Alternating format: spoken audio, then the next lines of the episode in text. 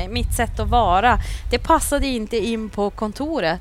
Men när jag ha hamnade i musiken så var det första gången i hela mitt liv när alla mina känslor och den som jag var faktiskt var tillåtet att vara. Mm. Eh, och då kände jag så att det här är ju där jag hör hemma. Jag hör ju inte hemma Mm.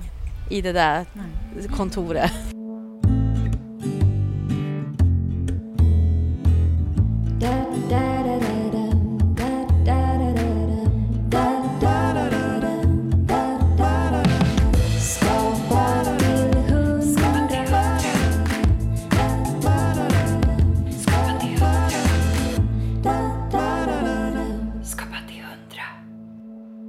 Idag träffar vi den samiska artisten och låtskrivaren Sara Ainak. Vi pratar om hur Sara gick in i väggen två gånger och vid 33 års ålder bytte bana och blev artist. Vi pratar om tystnadens kreativa kraft. Om att göra upp med Sveriges rasbiologiska historia genom musik. Och hur man kan skapa musik utifrån formen på ett fjäll. Du lyssnar på Skapa till 100, podden om det kreativa livet. Intervjuar gör jag, Maja Sönnerbo och min kära kollega Marika Borgström. Och det här är en liveintervju inspelad under Stockholms kulturfestival 2022. Häng på!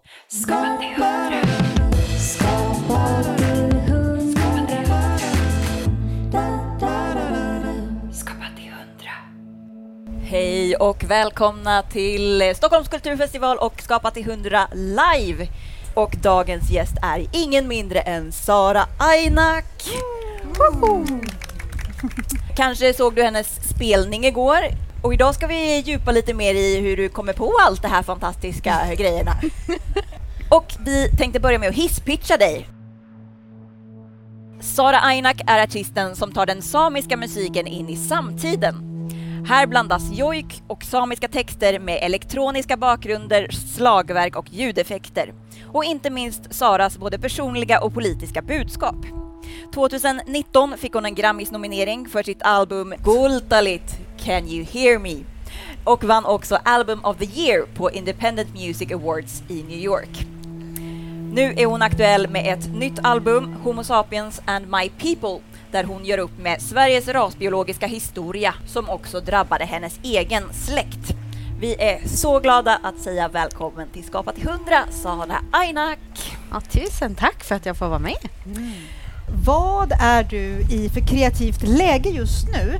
Om du då, ja, på en skala från 1 till 100 och varför just den nivån? Vad tänker du då? Alltså jag tänker att jag kanske är på 20 då. 20? Oj, oj, oj. Okej, Ja. och berätta Ja, varför. det händer så mycket saker hela tiden just nu. Så att jag, jag brukar säga att kreativitet, det, är, det kommer ifrån tystnaden egentligen. Eh, jag klarar liksom inte av att ta in alla människor här i staden och eh, alla saker som händer, utan det är när jag bearbetar de Mm. händelserna och mötena som kreativiteten liksom kickar in. Mm. Vad intressant. Så här, nu är du här och tankar på och upplever massa grejer. Nu på tankar jag något på, sätt. sen så blir det liksom i relation till mitt liv som det här kreativa kom igång. Mm. Och jag menar, det är ju väldigt viktigt. Det är ju inte alla som har koll på var jag är när jag är som mest kreativ och vad jag behöver. Just och där det, vet du att tystnaden, det är di- ditt verktyg. Ja, verkligen. Och jag skulle egentligen vilja ha så här långa sjok, men tänk om jag fick vara sex månader helt i fred Ja. i skogen. Vilka grejer som skulle hända Då. då. Då! Men du hittar i alla fall de här tysta små glimtarna liksom. Ja, så där. ja. så du känner dig inte stressad när det är nere på 20 liksom att Nej, inte absolut komma? inte. Nej. Utan då känner jag mer så här, då får det vara så. Det är det jag tänker också är kon konsten. Ja. Med att, att man eh, verkligen inte ska pusha sig själv. Utan för mig är det mer som att jag tankar ner grejer från något ställe när de behövs. Oj, vad, eller beskriv, Alltså jag berätta har mer. ett stort Ja, paraply. du fäller ut din parabol liksom. Jag träffade en kvinna från Grönland här i sommar. Eh, och när de slutar sina trumdanser så Här de, de eh, lyfte alltid upp melodin till... Höjer en halv Ja, oktav. precis. Till, ja, Mm. när man, nej, man Nej. lyfte upp melodin till eh, eh, allt, alltså världsalltet när man har sjungit den. Va, Med händerna, Ja, med kroppen ja, liksom? man Alltså, gör ja. det så här. Aha. Och deras sätt att använda det var, då sa hon så här, det här gör jag för att eh, någon annan ska kunna hämta ner den här eh, melodin Mhm. och använda den igen. Och jag tänker att det är lite så med, alltså allting finns där ute i något konstigt Mm. lager av energi. Just det. Vad intressant. Vi hade Cleo här i onsdags på festivalen. Hon pratade också om så här, hennes kreativa kanaler, att hon, som, som hon beskrev också, gick uppåt. Att hon liksom, att det var inte hon som skapade det, eller liksom att, utan hon, det, hennes ansvar var att öppna. Liksom. Ja. Eh, det låter lite som lite likt, att så här, det är något som finns som man kan liksom fånga in om man Ja, om är man lyhörd. Typ. Om man är öppen. Ja, ja. Man måste vara öppen. Ja, Mm. precis. Mm. Och då, då tänker jag, tänk om det inte ens skapas av mig då? Att det är liksom någon annan som har En annan suttit... Precis, det var någon borta på Skeppsholmen där som skrev något. Alltså det här fick mig att tvivla. Nej, men jag bara menar det att det är ju... Ja, det är ju... Det är i alla fall, jag tänker att då har man med sig liksom några andra krafter som... Mm. Ja, Ja, men det låter, här, det låter skönt, alltså det låter som att det kanske blir mindre press om man tänker så, än att det är så här, det är bara jag som nu ska sitta här och vet, pressa ut något och det ska bli skitbra. Eh, och man är lite mer, det låter som en mer till, alltså en mer inställning som är mer med tillförsikt liksom att ja, det kommer grejer. Ja, exakt. ja men Eller vem har hur? inte suttit och skrivit ner någonting liksom och pressat ut någonting och så bara... Ja, vad är det här? Ja, Och så börja om liksom Ja. en miljard gånger. Ja. Ja. precis. Hur många, hur många dåliga idéer går det på en bra för dig? Ja, alltså, men det är inte så mycket som jag har skapat som faktiskt inte har blivit liksom låtar. Nej, vad härligt. Ja. Var en ganska hög liksom, ratio ändå. Skapa till hundra. Men eh, om du får eh, kreativa idéer, eh, har du något sätt att eh, samla ihop dem så att du vet att du kan plocka upp dem lite längre fram? Ja. Eller är du helt så här på 20 och sen går du in i en annan fas? Eller? Ja, jo, nej, men jag tror att jag vet, jag vet inte man, vad man kallar det, men jag har ju någon sån här eh, problem att jag då i perioder inte nästan kan sova utan då måste jag ju gå upp, skriva upp en mening. Ah. Så då försöker jag så här sova, trycka ihop ögonen och bara upp och skriva upp en mening till. Och så kommer en melodi eller någonting sådär. Så att eh, det går väldigt upp och ner. Men jag tycker att det ska få vara så. Och jag tänker att hur skulle det vara om allting var liksom bara jämnt? Nej, det skulle vara ganska tråkigt i Ja. längden kanske. Ja, ja Men jo. det kanske är för att det är tyst när man ska sova. Det är då du liksom Ah. vaknar till. det är ju det! Det är det. Hur, ehm, eller var och när skapar du då för det mest? Har du en specifik arbetsplats eller kanske med dina renar? Eller? Berätta Ja, lite hur, går- hur, hur du Eh, jobbar. Ja, alltså mycket av det som jag skapar, alltså komponerar, det är ju sånt som egentligen kom helt spontant. Eh, och det är oftast ute i naturen. Ja, faktiskt bland renar. Min familj har ju renar. Ja. Så att när jag är där ute själv så har jag märkt att renar blir väldigt lugna av jojk. Mhm. Så att jag jojkar ju ganska ofta för dem bara. Då kan det hända saker. Ehm, sen så är det liksom i sådana situationer eller när jag är uppfylld av glädje eller sorg eller så, så kom också de här melodierna. Men ska vi ta lite bara hur du får ihop ditt liv? Det här äh, Exakt. livspusslet som alla pratar om. Ja. Du är renskötare, artist, musiker, producerar. Berätta lite, hur ser ditt liv ut och hur får du ihop de här olika delarna i ditt liv? Nej, jag vet faktiskt inte. Jag, har, det- alltså, ja, jag är inne i en kritisk period i mitt liv när jag har barn som håller på att växa upp och, eh, och sådär. Men eh, man måste ju ha, leva liksom med någon annan person då som kan steppa upp lite grann. Bra Eh, tips, bra ja, tips. Det är bra, det är bra tips. Sen så, eh, jag känner ju det att det är väldigt roligt att komma hit till staden till er. Men jag behöver också den, alltså mycket av det som jag gör kommer ändå ifrån tystnaden och den kontext som jag kommer ifrån. Mm. Jag hade liksom tappat ett lager av mig själv om inte jag hade bott i Västerbotten, i min lilla by Gargnäs. Mm. Men det är väl ditt varumärke? Kan man inte säga så? Ja, Om man vill uttrycka Ja. det så. Jag Ja. Det är ju din plattform för, och ditt varför. Och, ja precis. Det är det Mm. jag behöver för att kunna vara den jag är. Eh, och det är ju jättekomplicerat med renskötsel. Det är liksom en sak som tuffar på hela tiden. Djur som man har ansvar för. Eh, och det finns vissa tider på året när liksom man kommer från en spelning och slänger sig in i värsta skitgörat.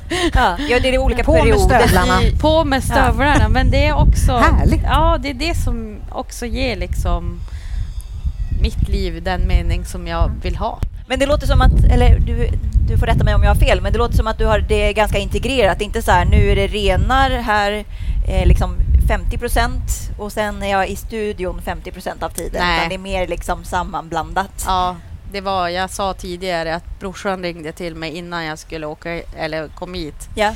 Hur blir det med älgjakten? ja.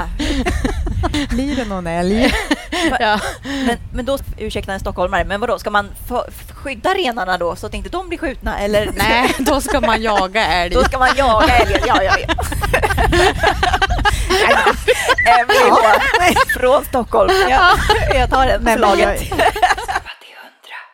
Vi tänkte snacka lite om ditt senaste album där du gräver i Sveriges rasbiologiska historia. Och om jag har fattat det rätt så började allt med att du hittade dina egna släktingar i ett kompendium från Sveriges rasbiologiska institut. Ja, Stämmer det? ja. Ja, berätta. Ja, nej men det var... Eller det började med att det, skulle vara en stor återbegravning av samiska kva- kvarlevor i Lycksele. Eh, jag vet inte, det var ju 25 eh, kvarlevor från 25 personer som skulle återbegravas. Och i samband med det så började jag liksom bara, vänta nu, vad är det här för någonting? Så fick jag tag i den här listan, satt mig ner med mina föräldrar och, och, sen så hittade vi ju liksom hela släkten i de här eh, listorna. Och det, det var då de har mätt samer... Ja, det var ju så man gjorde. Man, i, I Sverige så blev... Sverige var ju då först i världen med att inrätta ett rasbiologiskt institut. Ja. Och samer blev ju väldigt fort ett, eh, m- en måltavla för deras aktiviteter. För man trodde ju då att om eh, man trodde man kunde bevisa att vi hade en läg, lägre stående intelligens genom att mäta våra huvuden. Eh, så att eh, Herman Lundborg han drog till Sápmi och, och med sin mätutrustning och Ja. skrev ner liksom mått på huvuden. Hur kändes det att hitta släkten där liksom? Det kändes som att det finns ett kapitel i svensk historia som vi inte är färdiga med. Ja. Det finns liksom ingen officiell ur- ursäkt från Sverige att man har gjort det här. Ehm, och det finns fortfarande strukturer i vårt samhälle eh, som eh, lever kvar av de här politiska idéerna som man hade då. Eh, Vår rennäringslag som vi har nu är ju utvecklad utifrån den idén. Man ville segregera och assimilera samer. Det är jättemånga som upptäcker idag att de har samiskt påbrå. Ja, de vet, man vet inte om det helt Nej, enkelt. man vet Ah. inte om det för att det var så många, man skulle assimilera så att man skulle, man skulle gömma sin identitet. Just det. Ja. Mm. Jag kände så här att jag ville ge en röst åt de människor som blev utsatt för det här. Jag kan ju inte på 100 procent sätt veta att man kände som man gjorde. Som jag har försökt att gestalta i, i musiken. Men jag känner ändå att eh, jag vill ge en röst åt de personer som blev utsatt för det här. Försöka sätta mig in i det. Och eh, då såg jag också väldigt många så här, likheter med andra övergrepp. Till exempel våldtäkter, övergrepp på kvinnor. Att bli förtryckt. Ja, Mm. ja, ja precis. Mm. Och att eh, det liknar varandra så mycket. Vi ska lyssna på, på ett av spåren från skivan, Ah, tänker jag. Så spännande. att vi kan få lite bättre hum om vad vi pratar om.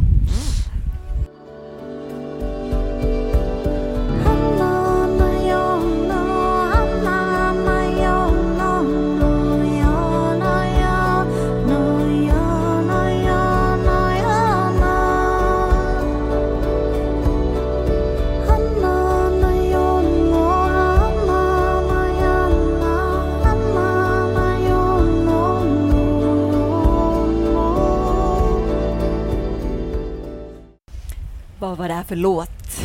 Oiviensisne. Ja, och vad vill du berätta om eh, låten? Ja, men det är så här... äh, Det handlar mer om det som faktiskt är på insidan. Mm. Att det som vi bär på insidan också ha, har vi med oss hela tiden. Och att jag känner som människa att jag vill hela tiden bli den bästa versionen av den jag skulle kunna vara. Mm. Eh, och det var också en del av, i arbetet med hela det albumet var faktiskt att det var många tunga och jobbiga saker som jag jobbade med. Men jag ville inte heller att folk skulle lyssna på musiken och bli helt deprimerad. Det är liksom inte det som är tanken utan jag vill ju att man ska känna kraft. Och, så att eh, från det här mörka och jobbiga och tunga så kom det ändå en kraft som jag vill att eh, fler ska känna och också kunna använda sig av. Och jag tänker att så är det ju för oss människor överlag. Alltså vi går igenom, alltså ett liv är ju inte helt spikrak utan alla har ju sina utmaningar. Mm. Eh, och de ger oss ju erfarenheter och kunskaper som gör oss till de vi är. Hur gick det till när, när det blev musik liksom? Alltså det är ju över tid en väldigt, väldigt lång process. Jag åkte till eh, Uppsala till Carolina Rediviva och kollade på bilder som de hade tagit under den här perioden. Eh, och då följde min mamma med mig och så efter ett tag så kollade hon på mig och sa så här, men Sara, alltså, vad gör vi här? Vad, vad, vad vill du ha? Ja. Eh, ja. Och jag bara, nej men lugn. jag behöver ingenting, jag vill bara ha känslan. Mm. Okej. Ehm, och sen så jobbade ju jag med de intryck som jag fick därifrån i musiken och i skapandet. Men när det här var ett sånt personligt ämne, var det liksom lättare att skapa då eller var det svårare? Eller liksom, Nej, jag tycker att det, det har kommit liksom ganska naturligt ändå. När jag själv, då, då gick jag ju faktiskt in och startade processen på något vis. Jag visste att jag hade en idé men jag visste liksom inte hur. Ehm, och så tog jag in liksom en massa kunskap om det här. mm. Och så blev det. Och jag tänker att det är väl kanske så kreativitet funkar väl på lite olika sätt säkert. Men man måste ju jobba liksom med någonting. utifrån en idé eller en tanke Ja. kring något. Liksom. Ja. Men du, en grej som vi inte har frågat kom jag på. Gör du musiken helt själv eller samarbetar du med någon? Jag samarbetar. Alltså, Ja. ja, musik är ju faktiskt ett sånt... Eh, eh, alltså ett, en, eh, en sån konstform. Att jag tycker inte den kommer till helt liksom... När man sen börjar med att producera saker och så, så, så, så tycker jag att det ger mycket mer att ha någon fler som är med. Ja. Mm. Och vilka är det då? Ditt kreativa Ja, gäng? jag har en liten farbror. Jaha, en liten Som farbror. bor, ja, som bor på, no på Norges sydligaste ö. Oj, Ja, som, eh, i ett ställe där det är så här små vita hus och båtar som kör omkring. Och, ja, och vad eh, gör den här hemliga farbrorn? Ja, den här hemliga farbrorn, han är, väl, han är helt fantastisk. Han eh, är jätteduktig på att arrangera och, och så. Stein heter han. Ja. Mm. Ska vi lyssna på en till låt? Ja, det blir spännande. Ja, det blir spännande vad vi har här.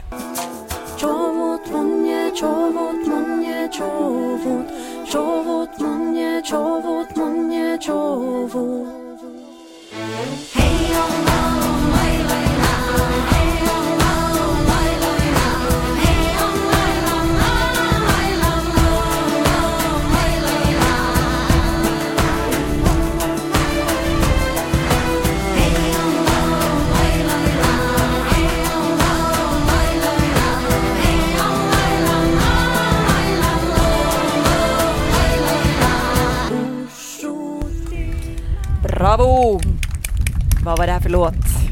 var Shovot Munje.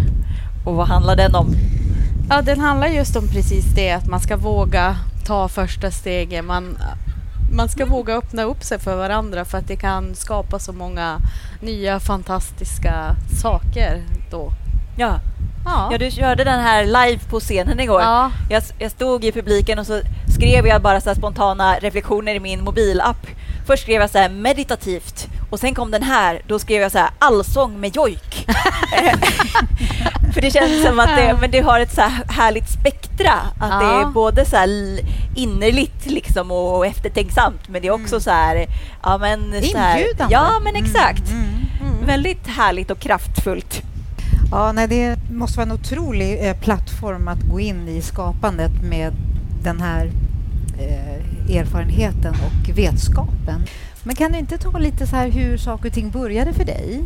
Ehm, hur, hur kom musiken in i ditt liv? Ja, det var ju egentligen så här rebell. Eh, det var så här att eh, jag fick inte läsa samiska i skolan. Så jag bestämde mig för något så här, på den tiden hade man i gymnasiet något som hette specialarbete. Just det, det känner man igen. Ja, mhm. så jag gjorde ju det och så lyssnade jag på jojk i så arkiv. Eh, det gjorde, jag började lite tidigare, typ, så när jag var så här 14 så satt jag och lyssnade på arkivinspelningar. Så från början så förstod inte jag jag alltså orden i jojkarna som jag lyssnade på. Utan melodin blev det viktiga och det som jag byggde upp allting på. Eh, och i, i början när jag också gjorde liksom jojkar så var de helt utan ord överhuvudtaget.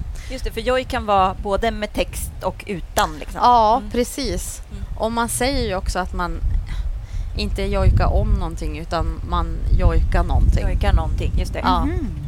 Eh, och då, då, då är det liksom andra saker som spelar roll, till exempel tempo, hur någon pratar eller går. Eller man kan också se på ett fjäll liksom hur, ehm, vad heter hur, hur linjen liksom... Ja, just det, formen. Ja, for, ja, och sen så kan det bli en jojk av det också. Jaha, vad fint. Ja. Men hur närmar man sig jojken? Hur, hur, Ja, det jag var är ju... supernyfiken så här, Ja, nej, rent det var helt, ja, är det, ja. det var helt hardcore för mig. Jag satt och lyssnade på jättegamla inspelningar som man nästan inte hörde någonting och härma. Mm. För det är så konstiga ljud i jojk som man liksom inte sjöng eller Nej. hörde på radio heller på den tiden. Nej. Så att, eh, ja, så gick det till. Ja, jobbar du både med magstöd och nasalt och Jo, alltså jag, ja, alltså, jag, jo, jag låter ganska knasig när jag liksom... testar? Ja, precis. Och det är bra om ingen annan är hemma då. Nej. Men kan man inte göra det på fjället? Så Det kan man göra. Kan man öva i fred? Typ? Ja, men typ Nej. till och med hundarna hemma ser det Ja. konstigt ut när jag Jaha. hittar på så här. De De bara... bara håller för öronen. Ja. Vi ska lyssna på en liten snutt.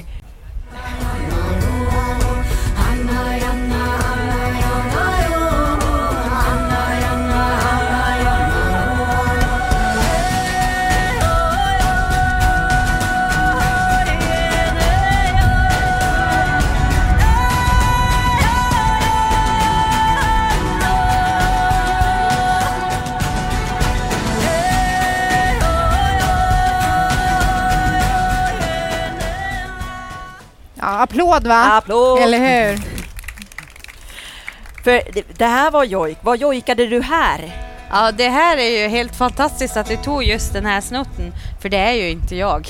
Är det sant? Nej, är det sant? Det här är ju Är det- min stora förebild, Mari Boine. Jaha, okej. Ja. Wow. Ja, Men vad handlar eh, låten om? Vad är det? Ja, Ja, men- du, för du men är också den- med. Det är ju din låt Ja, som du nej har men släppt. den, den jojken som var lite före. Hanna, Janna, Just det. Hanna, den, har, den har jag gjort. Ja. Men, ehm, ja, nej, men jag och Mari vi förenades i kampen om Nasafjäll. Ja. Eh, och hon ville gärna vara med på den låten så, så jag är grymt tacksam över att hon ville det. Ja. För det, är- det är också en väldigt viktig fråga för mig. Mm. Vad, Vad berätta. generöst. Nej men Nasafjäll det är ju egentligen startpunkten för koloniseringen av Sápmi i, i Sverige. Eh, det var en silvergruva som man startade där på 1600-talet och ehm, samer blev förslavade i det området och många flydde från det området. Eh, samerna de fick, deras roll blev att transportera järn eller silvermalm med ackor framför renar. Så det finns liksom en, en stig från Nasafjäll som går in i svensk sida som eh, är full med ben, gamla benrester från renar som dog. Alltså de klarade ju inte av eh, att dra den här silvermalmen. Jaha, okej. Och man hade ju bara kanske, alltså man hade väldigt få renar på den tiden. Ja. Så att det blev liksom de som blev fast i det här gruvförslavade i det jobbet, de blev liksom kvar med det. Och där ska man då bygga en eh, kvartsgruva idag Ja. På Nasafjäll. Där har min sameby, Svaipa sameby, sitt eh, sommarbetesområde. Ja. Eh, byggs den gruvan så då försvinner ju det beteslandet för djuren. Då kan man inte vara där Nej. mer. Nej. Mm. Nej men precis, för de tar liksom hela berget. Det är inte som att renarna kan vara uppe på och eh, de gräver där under utan det är liksom... Att, Alltså grejen är den, vi människor vi tror ju liksom att vi är kingen överallt. ja, Mm. Men eh, det är inte så många som brukar träffa på renar när de är ute och vandrar till exempel. För att de blir väldigt störd. ja. Det är därför man inte ser så mycket djur, för att vi gör ju ljud av oss. Just och en de- hel gruva liksom. Just det, de Det- trivs inte där helt enkelt. Nej. Nej. Allt annat än naturligt med Ja. en gruva. Vi, vi tappar lite tråden här om Ja. hur allting börjar. Det är så mycket intressant Ja. att prata om här. För du började i tonåren och liksom upptäcka jojken, för det hade du inte med dig från din familj utan det var att du ville upptäcka det helt enkelt. Ja. Eh, men du debuterade som artist eh, 2013 när du var 33. Ja, Eller? alltså då, då blev det lite mera så här... äh, Ja, Sara Ainak, artisten. Ja. Men jag har ju hela tiden, ända sedan jag var ja, men i 15 års ålder egentligen jojka på traditionellt. Men eftersom jag inte kunde språket, jag visste inte hur jag skulle jobba vidare med det, jag hade inga kontakter, så hade jag liksom inte börjat med det på, på, på riktigt förrän då. Ja. Ja. Vad var det som gjorde att du tog steget liksom att... Alltså det var nog mitt liv som var meningen att bli så, tänker jag. Alltså det var inte... Jag, jag jobbade med många andra grejer och gick på universitet och fick ett så flashigt jobb och allting. Men jag blev sjukskriven två gånger efter varandra och utbränd. Oj. Och då kände jag så här bara, nja, så jag tror att universum vill att jag ska göra något annat. Ja. Och så i samma veva så träffade jag en person som bara, men Sara, när ska du göra någonting med den här jojken? Jag bara, ja, nu. Ja. Ja. Vad fint. Ja, Ibland behöver man någon som ja. Jo, men det och sen ser. efter de här sjukskrivningarna så, har jag, så omvärderade jag hela mitt liv. Att jag har tänkt att jag ska inte forcera grejer utan jag ska liksom gå på det som jag mår bra av och det som känns bra. Ja. Så sen dess har jag levt så. Ja. Men det är fantastiskt, för det kan vara lättare sagt än gjort. Ja. Eller hur? Det här med, med att vara Ja, men hållbar. sen då och... träffar man någon som känner någon som och så hamnar man till slut här. Mm. Precis, för det här, det här, ditt tidigare jobb, det var mer på kontor typ? Ja, Ett- det var typ ett vanligt kontor. Ett vanligt jobb, ja. Ja, Men du kände inte samma press liksom i musiken, utan där hittade du ett annat flow liksom i... Nej, det var ju så här att jag, alla mina känslor som jag hade, alla, mitt sätt att vara, det passade inte in på kontoret. Men när jag ha- hamnade i musiken så var det första gången i hela mitt liv när alla mina känslor och den som jag var faktiskt var tillåtet att vara. Mm. Eh, och då kände jag så att det här är ju där jag hör hemma. Jag hör ju inte hemma Nej. i det där Nej. kontoret. Men som du sa i början här av samtalet att eh, vi var och en har ju ett ansvar på något sätt och en möjlighet att bli den bästa versionen av oss själva. Ja.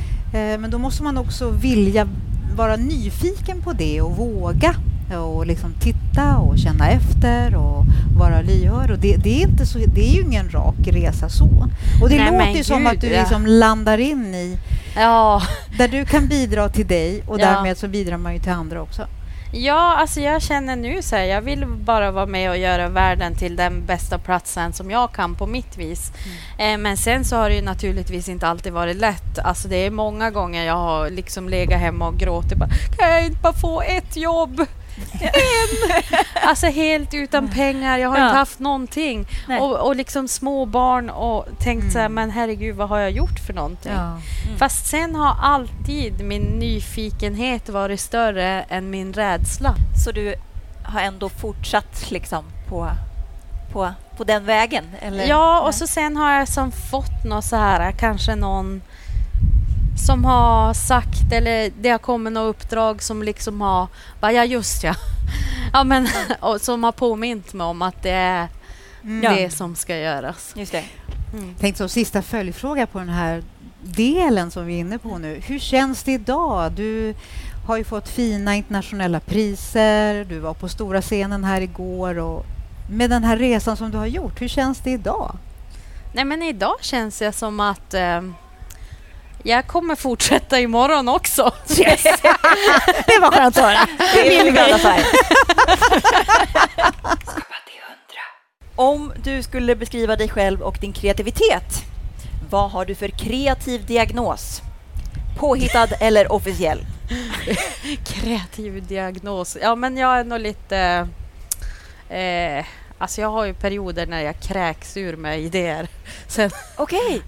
Vadå, när det kommer jättemycket? ja precis. Mm. Och sen så har jag ju nu när det är bara 20. Just det. Period. Ner Ja. till Stockholm då Ja. bara... Ja, till- till staden och bara... Åh. Precis, så lite så upp och ner. Ja, eller liksom nej, det är lite... ingenting som är jämnt här. Nej, nej, Men jag sover i alla fall varje natt. Ja. Nästan. precis. Förutom när du är uppe och skriver Ja. ner idéer. Ja. Vad gör du om du kör fast? Kör du fast? Jo, men det gör jag. Då lägger jag bort det. Ja. Ja, då, då, då struntar jag i det ett tag. Mm. För det kan vara så att när man lyssnar på det sen så var det ganska bra ändå. Just det. Mm. Hur länge måste det ligga till sig? Ja, nu har jag en grej som jag håller på med typ sen i våras. Jag bara la bort det. Mm. Och nu när jag lyssnar på det, jag bara, "Men det här är ju bra. Ja. Vem har kommit på det här? Ja, ja, men det är underbart också att få lite distans Ja, men det. fakt- ja, det är ju faktiskt väldigt sant. För det är som man kan, eller jag kan verkligen fastna i det här självkritiska när man håller på att jobba något. Då är det som att man zoomar in och så kommer man närmare och närmare och så är, tittar man och tittar på något litet pill och så är man inte nöjd och bara nej men det här är något som är fel. Ja, Och sen när man kommer tillbaka då kan man kanske lite zoomat ut lite så man kan mer se så här helheten. ja. Och det Ja. kanske, då kanske det är också det att man säger ja men det var inte så dåligt som jag tyckte. Nej, men det är himla konstigt att vi ens... Ja, att Att vi är så självkritiska. Ja, Mm. precis. Men Vad säger du, har du en inre kritiker? Ja, Och är ja, du men- kompis med den här eller hur? Jo, alltså... Jo, men alltså jag har nog det där... äh, Det är klart att man alltid... Man är ju sin värsta fiende många gånger. Eh, men jag tänker att det är också... Ibland kan det ju vara befogat. Nej, in, den inre kritiken faktiskt har rätt. Ja, ibland kan den inre kritikern ha rätt. Ja. Eh, men jag tänker att det, det, jag håller ändå fast vid att om nyfikenheten är större än den inre tviveln och kritikern Mm. så har man liksom ändå möjlighet att komma över det där. Mm. Men den är inte så högröstad så den är för besvärlig. Alltså då skulle inte jag sitta här. Nej. Ja, alltså man så- måste kunna hantera det om man ska bli faktiskt artist. Och, Eller och vi alla kanske. Ja. Att våga ta steg till det vi vill göra. Ja, men alltså Ja. grejen är den, många gånger tar vi också oss själva på för stort allvar. Ja. Vi liksom tror att vi är någon, ja, så här, men det är ju alla misslyckanden som faktiskt utvecklar oss. Eller misslyckanden, Mm. det är ju möjligheter till att lära sig mera. Ja. Eh, och det tänker jag att det är ju det viktigaste egentligen. Skapa till hundra. För jag vet att i andra intervjuer har du också pratat om hur det är att vara en del av ett folk i det här fallet, om vi nu ska uttrycka, som har haft en kultur som har varit förbjuden. Ja, Hur, hur, eh, hur skulle du säga att var är vi idag om vi tittar på 2022?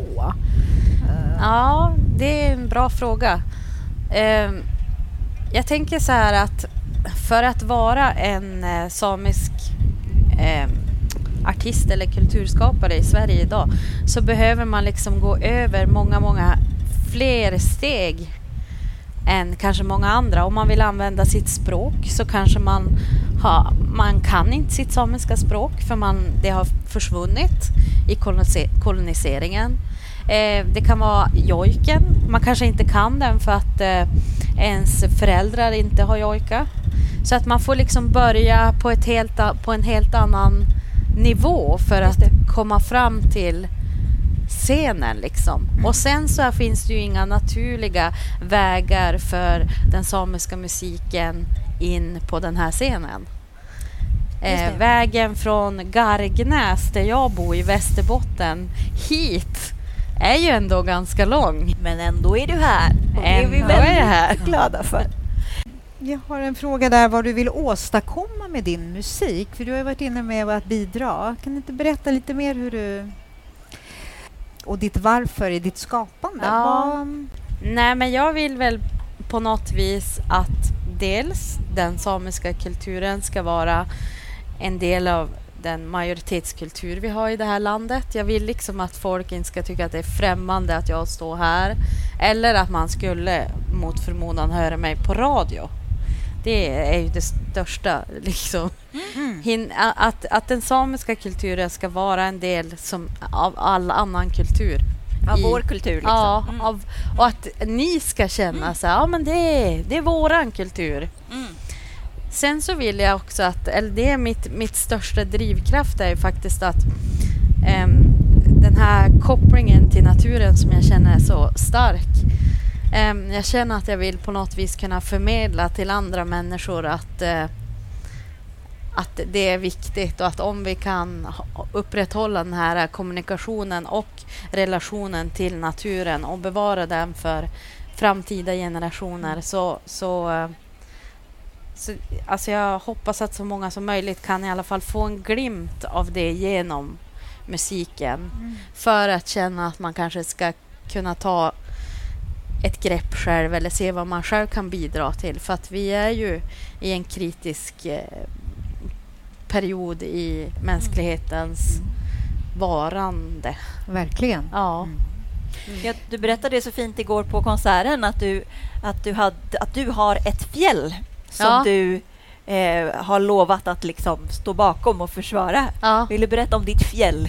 ja, det är ju Nasafjäll. Det är Nasafjäll. Ja. Ja.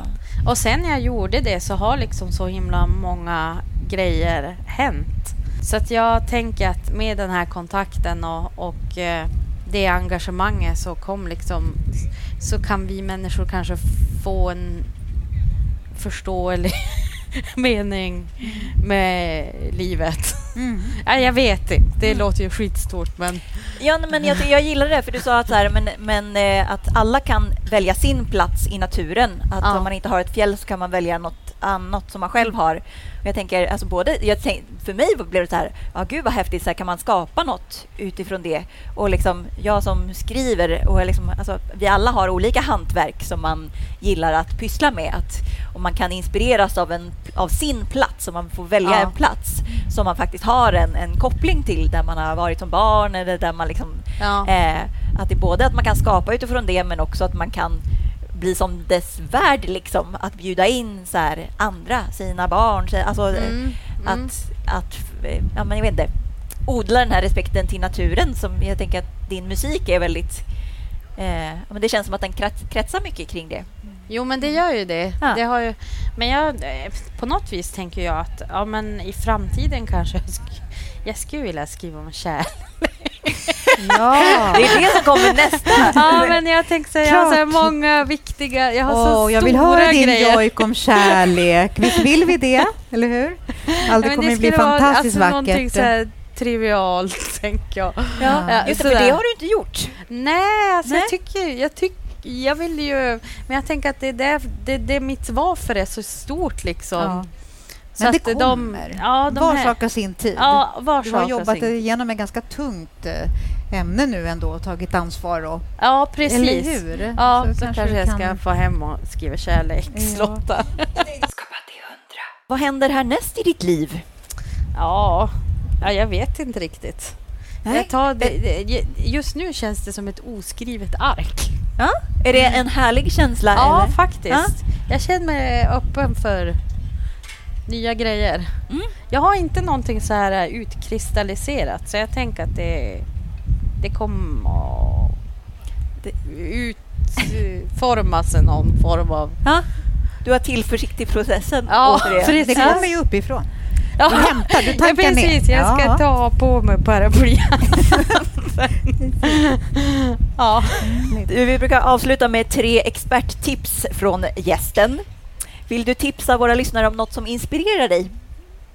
Åh, något som inspirerar mig. Ja, det, är ju, det har jag redan sagt. Det är, Säg igen.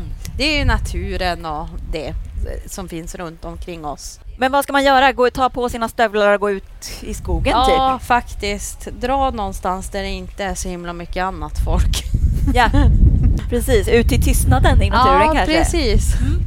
Det funkar nog inte med öronproppar. Precis som en noise cancelling är inte good enough. Man Nej. får åka till den riktiga tystnaden. Ja, precis. Och om man eh, har lyssnat på dig och känner sig inspirerad att liksom också skapa musik utifrån eh, ja, sin, sin kultur eller liksom, var ska man börja? Fråga morsan. Fråga morsan. Nej men fråga, liksom, ja men faktiskt snacka runt liksom i, i familjen och släkten och försöka Ja. nysta. Vars kommer vi ifrån? Vad vet, vad vet vi om våran kultur? Och sen är det bara att testa sig fram. Sen, sen drar man ut i skogen. Sen, det är då skogen kommer. Och sen när man har gjort det, så man har en idé, så då drar man till någon annan. Och så sen till, till en snackar- samarbetspartner. Ja. Mm. Och där snackar Helst man en farbror i skogen. Eh, Om ja, man- om man nu kan eller hitta en alla- tant kan det också vara. Det kan vara en tant också. Ja, en dam. I den Ja. lilla, lilla stugan. Ja. Vilket är ditt bästa tips för att bli mer kreativ? Mer kreativ. Ja, då måste man vara längre i skogen. Det är den magiska skogen, det är dit man måste. Det, det finns ingen väg runt den där skogen. Alltså. Nej, men jag tänker så här att när man har kommit in i en viss, liksom, man har övervunnit sina rädslor så kan man testa ut saker och då kommer saker mer naturligt. För jag frågade en som höll på med så här, pyssel och sy och så här och jag är inte en sån kreativ person.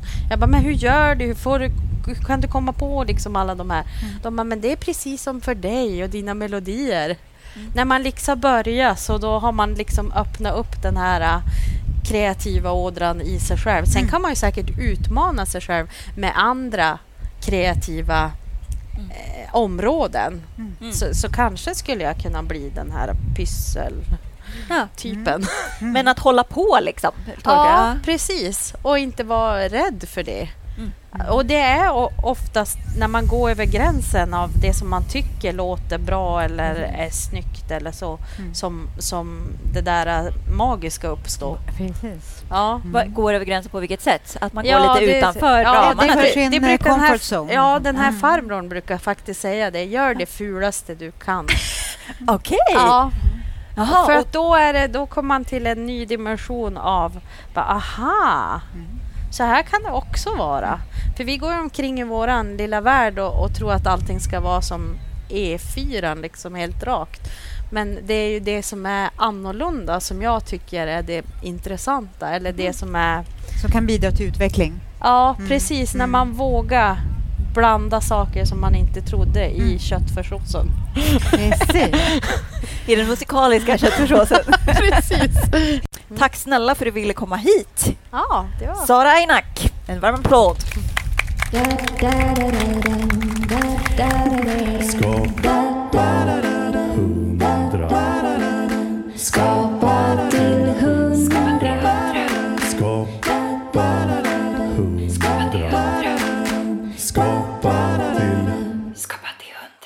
Gillade du det här ska du direkt klicka på prenumerera i din poddapp så missar du inte nästa avsnitt.